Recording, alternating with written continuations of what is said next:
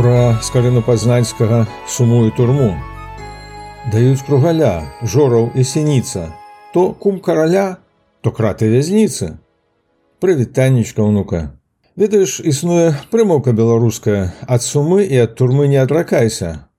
Маладзёны стараюцца не зважаць на яе. Пажыўшы ж на гэтым свеце, магу табе сказаць, што яна такі мае сэнс. І на прыкладзе з карынавым пацвердзіць дазнаешся за што і калі ягоны лёс з турмою перакрыжаваўся і прычым тут пазнань. Дапамагчы мне ў гэтым ласкава пагадзіўся спадар алесь жлудка кандыдат філалагічных навук лацініст былы супрацоўнік нацыянальнай акадэміі навук беларусі які да юбілею выдання біблію празе разам з калегамі здолеў колішні зборнік дакументаў пра францыска скарыну падрыхтаваць да выдання новымі дакументамі іх дапоўніць ды каментарамі тлумачальнымі аздобіць. Прывітанне спадарались скажи калі ласка калі і як да скарыняны прыйшоў? З карынаўскіх даследаванняў я прыступіўся дзякуючы Віктору ивановичу дарашкевичу чалавеку які у 70-х пачатку 80-х гадоў працаваў інстытуце літаратуры акадэміі навук БССР. Ён склаў тады праект гэтак званай скарынаўскай праграмы, да выканання якой далучыліся многія беларускія навукоўцы. Да 1990 года меркаванага 500гадовага юбілею з дня нараджэння першадрукара, Віктор Іванович упершыню здолеў сабраць пад адной вукладку усе вядомыя на той час дакументы і матэрыялы па біяграфіі радзішскай скарыны. Найбольшая частка з якіх была на лацінскай мове. У 1983 годзе пасля сканчэння класічнай філалогіі у львовскім універсітэце я патрапіў на працу выкладчыка лацінскай мовы ў віцебскі медычны інстытут. Віктор Іванович запрасіў мяне ўзяць удзел у перакладзе і падрыхтоўцы да друку лацінскіх тэкстаў для зборніка францыскарына зборнік дакументаў матэрыялаў вельмі грунтоўны і сур'ёзны шлях да скарыненскай праблематыкі. Скажи калі ласка колькі гадоў праца над перавыданнем зборніка скарыновскіх дакументаў зараз заняла?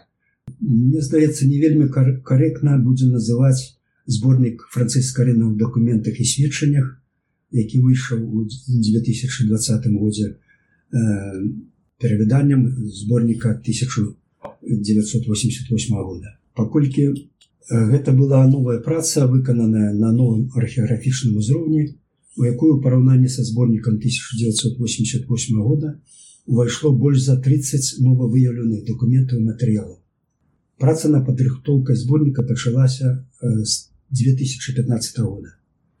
Яна выконвалася сіламі чатырох навукоўцаў: Алеся Доўнара, Павла Котава, Сергея Кнаревіча і мною. Дзякуючы супрацы ўдалося, даволі сціслы тэрмін выдаць гэты зборнік Дзякуй за ўдакладненне з усяго набору новых дакументаў які самы дарагі для цябе асабіста адзін незвычайным нечаканым была знаходка толькі сведчання самога марціна лютара перададзенага ягоным вучням і першым выдаўцы ягоных твораў йоганам аўрыфабрам пра сустрэчу з лютарам у 1525 годзе нейкага доктара медыцыны францішка які э, з Польшы прыбыў Вітенберг, каб там выдаць біблію на некалькіх мовах.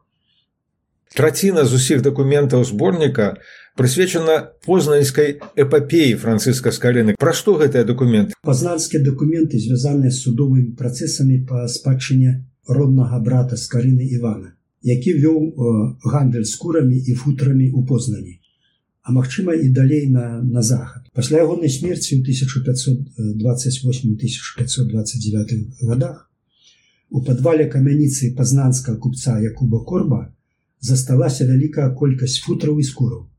Ён пакінуў у складзе 258 вялікіх юхтовых скураў.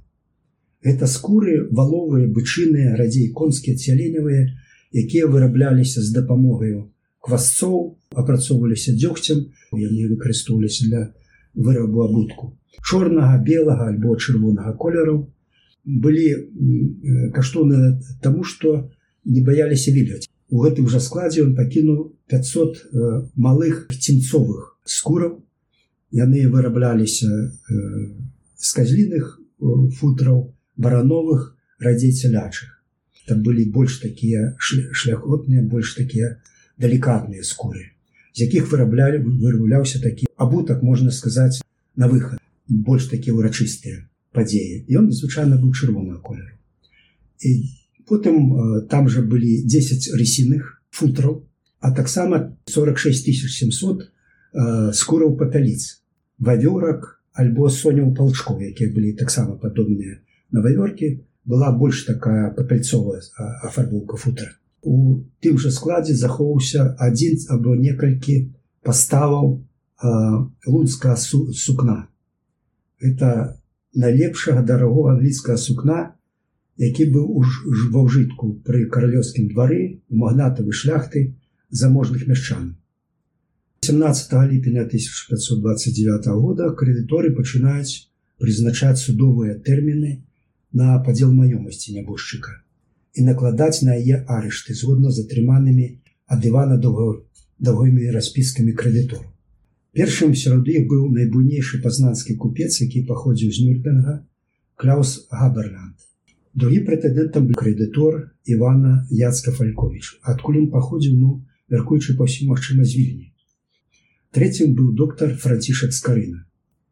А чацвёртым жонка Якуба Корба, У другой палове кастрычнікаў познаць зданьска прыбывае сын Івана і ягоны легітымны спадкаемец роман скарына племяннік э, францішка скарына 25 кастрычніка ён прызначае сабе апекуна пазнацкага лаўніка мікалая луцкага і на наступны дзень стае на суд по падзелу пазнанскай маёмасці бацькі. На суд не з'явіўся яцка фалькович але ўдзельнікам працэсу стаў взять Івана ешка стефанович які прадаю прэтэнзіі на недатрыманы заробак за 10 гадоў служэння у Івана. На канчатковым судзе, такі адбыўся 26 кастрычніка, Раман Скарына прыняў усе позвы, якія былі пацверджаныя распіскамі Івана і э, выдзеліў кожнаму з крэдытораў, якія падалі прэтэнзіі пэўную колькасць спадчыны. Найбольшую атрымаў Клаус Габерлянд забраў усе гэтыя юхтовыя скуры, большую частку таксама скураў цімцовых і э, нейкую частку яшчэ скуру паталіц. Другім выступаў франціша скарына. Ён прадавіў прэтэнзіі не толькі ад сябе лет ад сваёй жонкі маргарыты.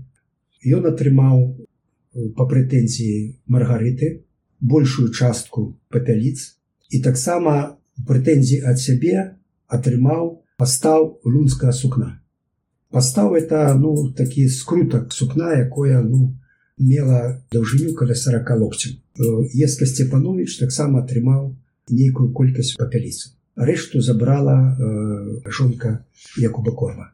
Дзякую за такое тлумачэнне і падзел маёмасць другі суд адбыўся ўжо ў 1532 годзе і быў выкліканы не тым што э, варшаўскія юдэі лазар і майсей Э, заявілі прэтэнзіі да францішка скарыны што нібыта ён забраў да сябе ўсю маёмасць э, Івана скарыны які э, быў іх іхным даўжніком Вось і недзе бадзяецца вось уцякае і не хоча сплачваць даўгі па гэтай маёмасці Вось яны дабіліся у лютым ад польскага польскага караля вялікага княства князя літоўскага жегемонта мандат супраць францішах скарыны кароль патрабуе ў гэтым дакуменце знайсці францішка скарыну дзе б ён не знаходзіўся і ў тым месцы правесці над ім суд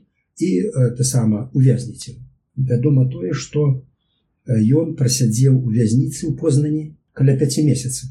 У сакавіку у познань прыбывае зноў роман скарына запрашае гэтых юдэяў да таго каб яны вялі справу зім то есть патрабавалі ад яго. І э, паколькі на апошні тэрмін прызначаны суда ніхто э, з гэтых юдэяў не з'явіўся суд прызначыў справу выйгранай францішкам скарына уже лет улетку 1532 года францішк скарына заявіў прэтэнзіі на пэўную суму грошай да гэтых юдэяў паколькі неправамерна быў пасаджаны. Не з'яўляўся вандроўным чалавекам а з'яўляўся сталым чалавекам і быў маёмасным. Ён не меў дачынення да даўгоў свайго брата Івана паколькі галоўным спадкаемцам ягоным і адзін з спадкаемцаў быў э, раманска рына Дякую за такое дакладнае тлумачэнне ці даводзілася самому алесю калі бываць у познанні дзе менавіта знаходзіцца тая самая вязніца у сувязі з вязніцамі у якіх трымаліся зняволеныя іх было некалькі. Недзе 34 вязніцы былі у вежах пазнанскіх брамаў. Вежа это уяўлялі себе ну такі трохпавярховы будынак. У самым нізе трымаліся злосныя злачынцы опускалі іх туды з другого паверху уже этой вязніцы. Прычым зняволены маглі трымацца на верхнім паверсе і там под зямлёю нізе у залежнасці ад цяжкасці злачынства. Таксама былі э, такія вязніцы і у пазнанской ратушы. Одна з іх была у вежы под зонам знойдзеныя былі чатыры памяшканні под э, ратушай якія таксама под, под ратушай якія таксама з'яўляліся вязніцамі. Пры рэканструкцыі піўніцы гэта подвалу под ратушай у 1912 13 годах перагародкі паміж гэтымі асобнымі камерамі былі знесеныя і цяпер ну невядома як выглядала гэта вязніца і што там і дзе знаходзілася. Яшчэ была одна вязніца якая спецыяльна прызначаная для немаёмных даўжнікоў і вось хутчэй за ўсё у ёй скарына і знаходзіць толькі невядома ці ўнізе ці скажем на, на паверхні і ні на адной са сценаў гэтых вязніцаў не напісана на добрай старабеларускай мове тут сядзеў так. францыз скарына а шкада так. Ну, дакументальных пацверджанняў Дзякую за тое што трымаешся дакументаў і вот верыш толькі таму што бачыш на свае вочы гэта сапраўдная навуковая пазіцыя івогуле шчыра дзякуй за згоду за магчымасць падзяліцца ведамі і сённяшні шыкоўны апавяд дзякуй дзякуй вызваліўся францыск з карыны ды атрымаў ад караля жгемонта новы прывілей. Каб больш не прыцягвалі яго да адказнасці за даўгі брата на тэрыторыі каралеўства польскага вялікага княства літоўскага ды землях прусі і шамойці. Такая вось гісторыя ўнука сумою і турмою мела месца у багатым на прыгоды і выпрабаванні жыцці францыска з карыны. у